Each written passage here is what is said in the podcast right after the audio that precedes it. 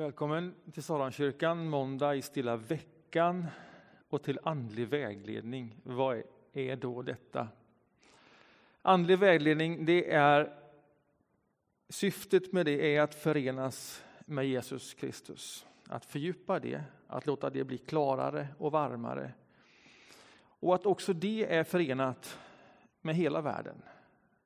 Så andlig vägledning det är att förenas med Jesus Kristus, fördjupas i den föreningen och med hans intressen i den här världen. Och Det främsta verktyget man har för detta, det är Bibeln, det är texterna. Och med det som utgångspunkt så för man ett samtal med sig själv och med sin Gud. Och övningen är alltså att fördjupa mitt liv med Jesus Kristus och följa honom i den här världen att förenas också med hans intressen i den här världen. Och nu befinner vi oss i slutdelen av fastan, de här 40 dagarna inför påsk. Så den här andliga vägledningen är just i stilla veckan, i den här sista veckan. Och därför är det de här texterna som vi läser och låter de texterna vara en språngbräda för hur vi kan fördjupa vårt liv med Jesus och med hans intressen i världen. Och vi läser texter, allt från palmsöndag igår och varje dag i den här påskveckan eh, så att vi följer skeendet kronologiskt. Så att vi läser det som vi tror händer dag för dag när vi läser texterna och lägger ihop dem. Och det här året så följer vi Markus evangelium. Vi väljer ett evangelium för varje år och i år är det Markus tur att vägleda oss in i detta. Vi läser en gammaltestamentlig text och sen läser vi en evangelietext. Och vi ska sjunga en psalm alldeles här nu i början och sen läser vi en, en text från Jeremia och sen kommer det en till C-sång och vi sjunger med i den. Och sen läser vi ett evangelium och jag ger ett par korta ord, en reflektion utifrån det. Och sen blir det ett instrumentalt stycke.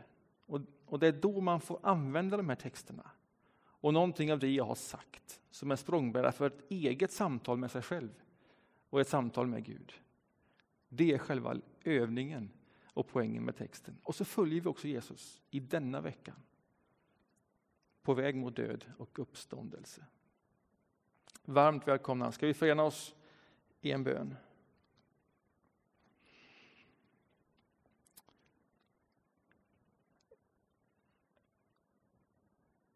Himmelske Fader,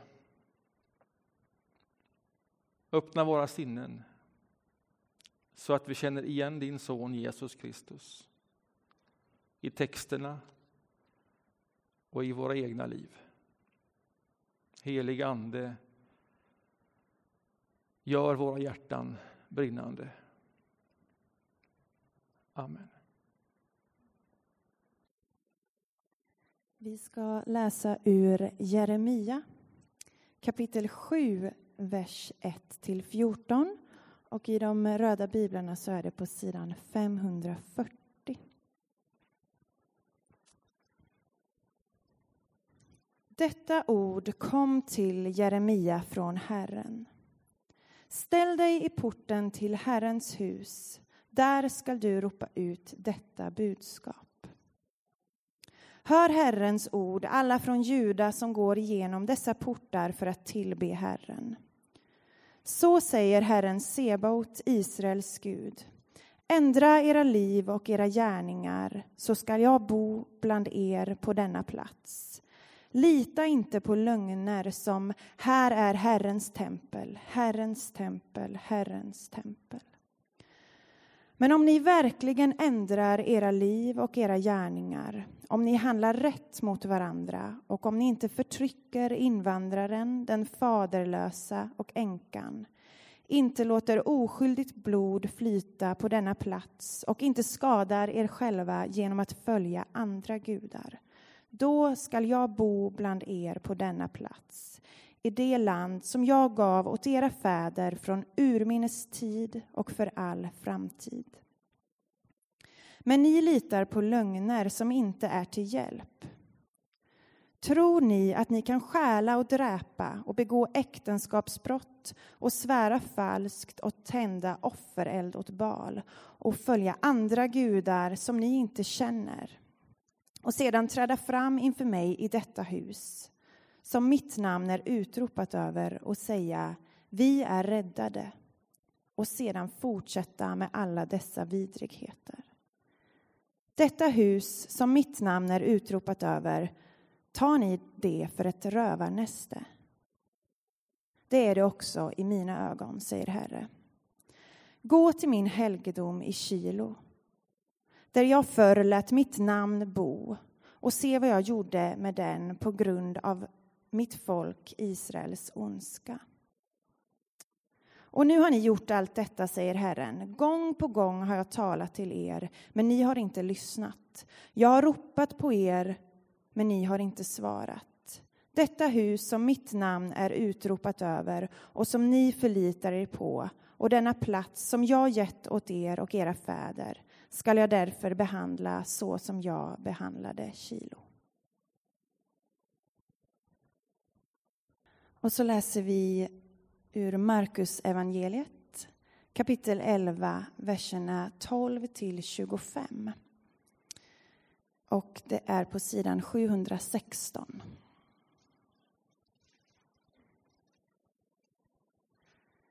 När de gick från Betania nästa dag blev han hungrig. Då fick han på långt håll syn på ett fikonträd med gröna blad och gick dit för att se om det fanns någonting på det. När han kom fram hittade han ingenting annat än blad. Det var inte rätta tiden för fikon. Då sade han till trädet, aldrig någonsin ska någon äta frukt från dig. Och lärjungarna hörde det. Det kom till Jerusalem och han gick till templet. Där drev han ut dem som sålde och köpte. Han välte omkull borden för dem som växlade pengar och stolarna för dem som sålde druvor. Och han lät ingen bära något med sig över tempelplatsen. Han undervisade dem och sade, står det inte skrivet, mitt hus ska kallas för ett bönens hus för alla folk. Men ni har gjort det till ett rövarnäste. Detta hörde översteprästerna och de skriftlärda och de sökte efter ett sätt att röja honom ur vägen.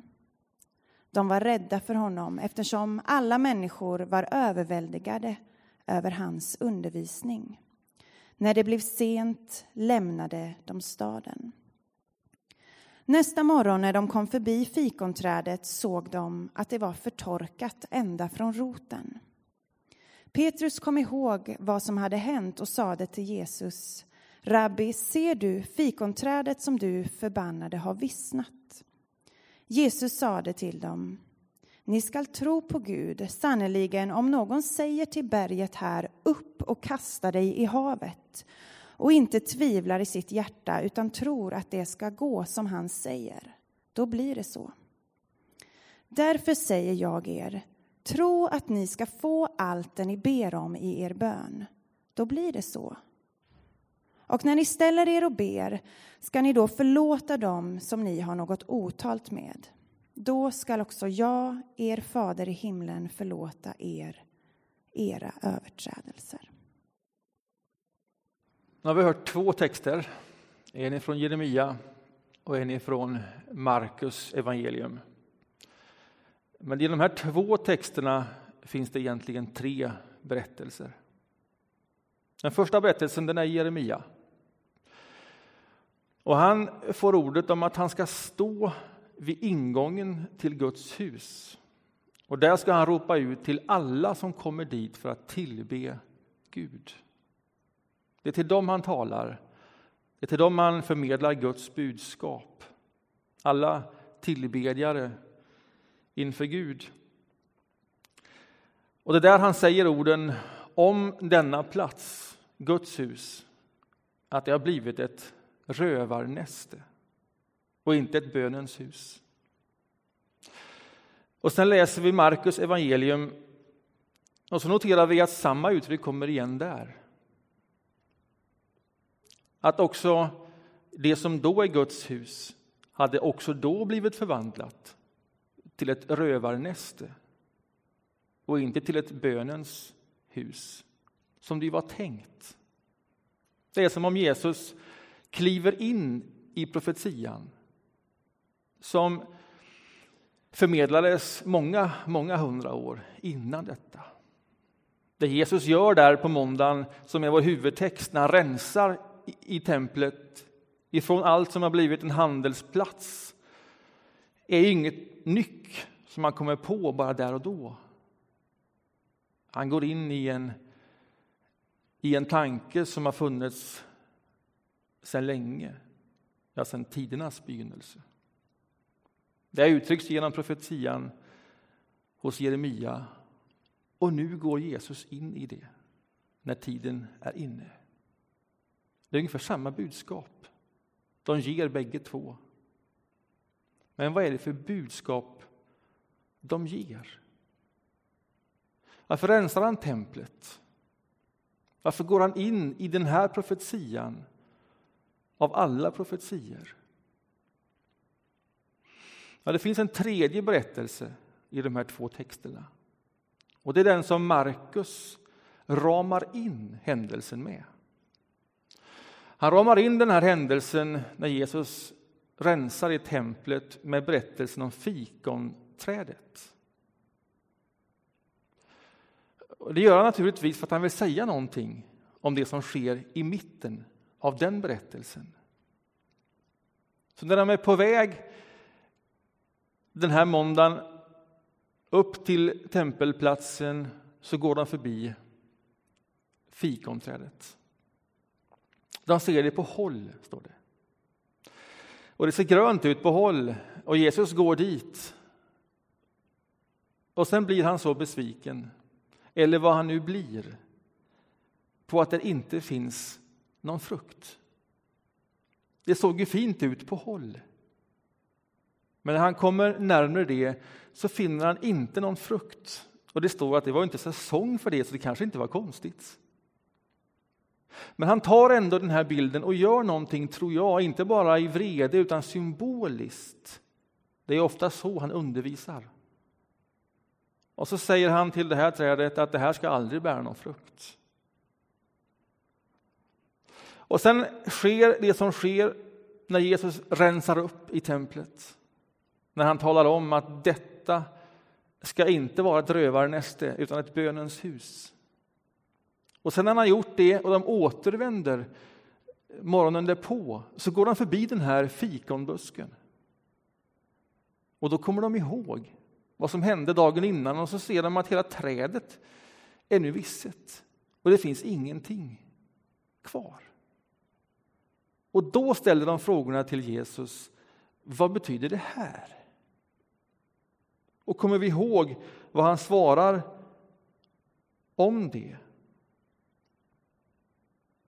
Vad betyder detta? Ja, det han svarar det är ju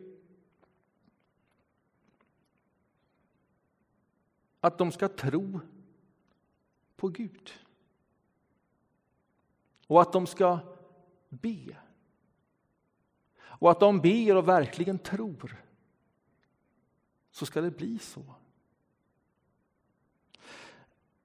Och Det är ju det som man har också undervisat i sin handling när han går in i templet och rensar runt där. Ni ska be. Ni ska tro på Gud. Det är ju en sån där plats detta är och ingen annan sorts plats. Och ni ska tro mycket om Gud. För Gud är allting möjligt. Det är vad han säger. Och sen lägger han till detta. Tro att ni ska få allt det ni ber om i er bön, så ska det bli så. Och när ni ställer er och ber ska ni förlåta dem som ni har något otalt med.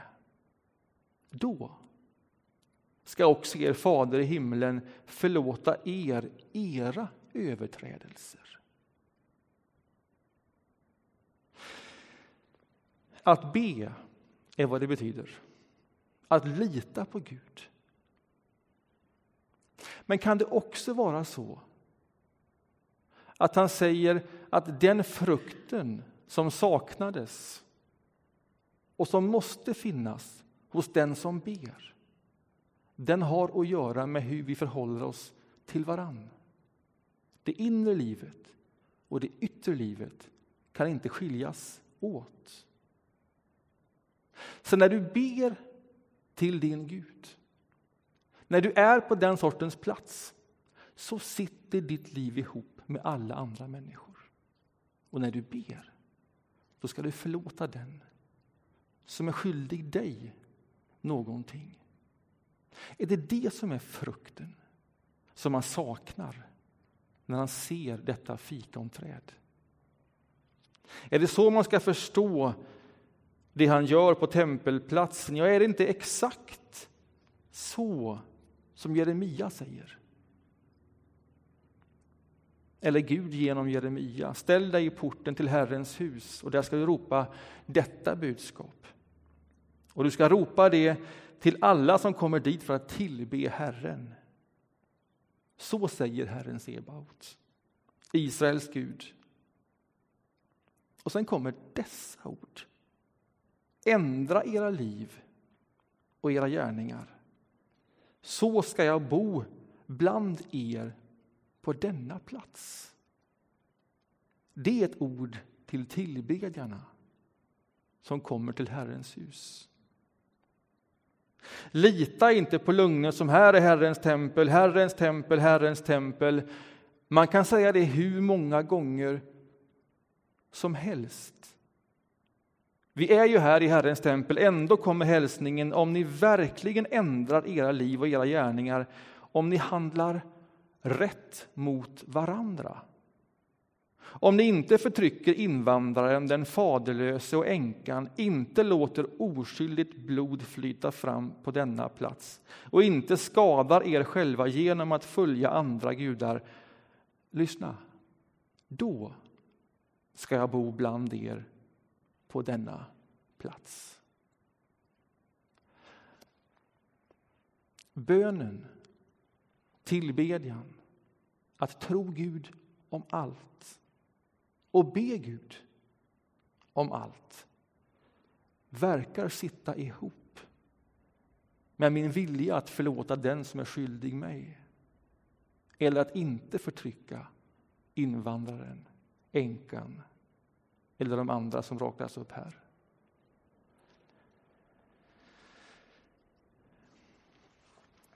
Bönen och ett livs frukter tycks sitta ihop. Och detta är väl en fråga, ett samtal att föra med sig själv. Också att föra inför Gud och med Gud. Jag var på retreat i höstas i Norge. En åtta dagars tyst retreat. En halvtimme om dagen talade jag med en pensionerad norsk präst. Och allting handlade om vad jag själv upplevde och, upptäckte. Och sen hade vi samtalat om var jag befann mig någonstans i mina frågor och mitt liv. Och sen sa han nästan varje gång efter den här halvtimmen. Det må du kanske snacka lite med Gud om. Och detta är ju den andliga vägledningen. Och ska man koka ner de här texterna och budskapet till någonting att snacka lite med Gud om så skulle det kunna vara en väldigt enkel fråga till alla oss tillbedjare som är här i Herrens hus. Hur ser mitt livs frukter ut så långt? Alltså, det som andra människor ser av mitt liv. Det man tar del av, det man smakar. Och hur skulle jag önska att de frukterna såg ut? Man är uppriktig om sig själv när man beskriver hur det ser ut. Och man är lika delar barmhärtig. Den viktiga frågan, det är frågan om hur jag skulle önska att mina frukter såg ut. Hur jag skulle önska att mitt yttre jag, det som andra människor tar del av, hur det såg ut, hur det smakade. Och när du har satt ord på det, vad gör vi då? Ja, då ber vi. Och då ber vi i övertygelse från hjärtat. Därför det säger Jesus, att om vi ber, om vi verkligen ber, om vi vill, om vi tror, att då tycks allt vara möjligt.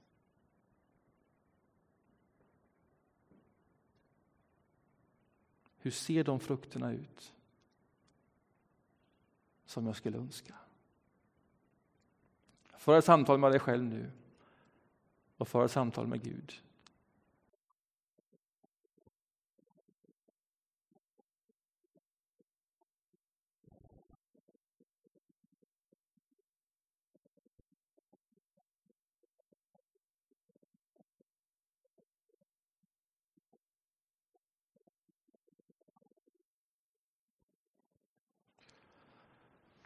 Vi förena oss i den bön som Jesus lärt oss att be.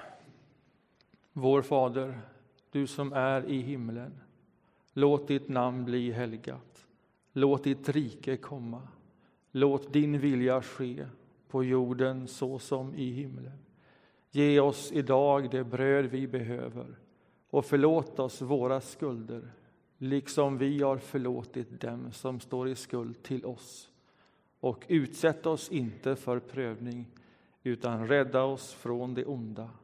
Ditt är riket, är makten och äran i evighet. Amen. Herre, välsigna oss och bevara oss. Herren låter sitt ansikte lysa över oss och vara oss nådig. Herren vände sitt ansikte till oss och give oss frid. I Faderns och Sonens och i den helige Andens namn. Amen. Amen.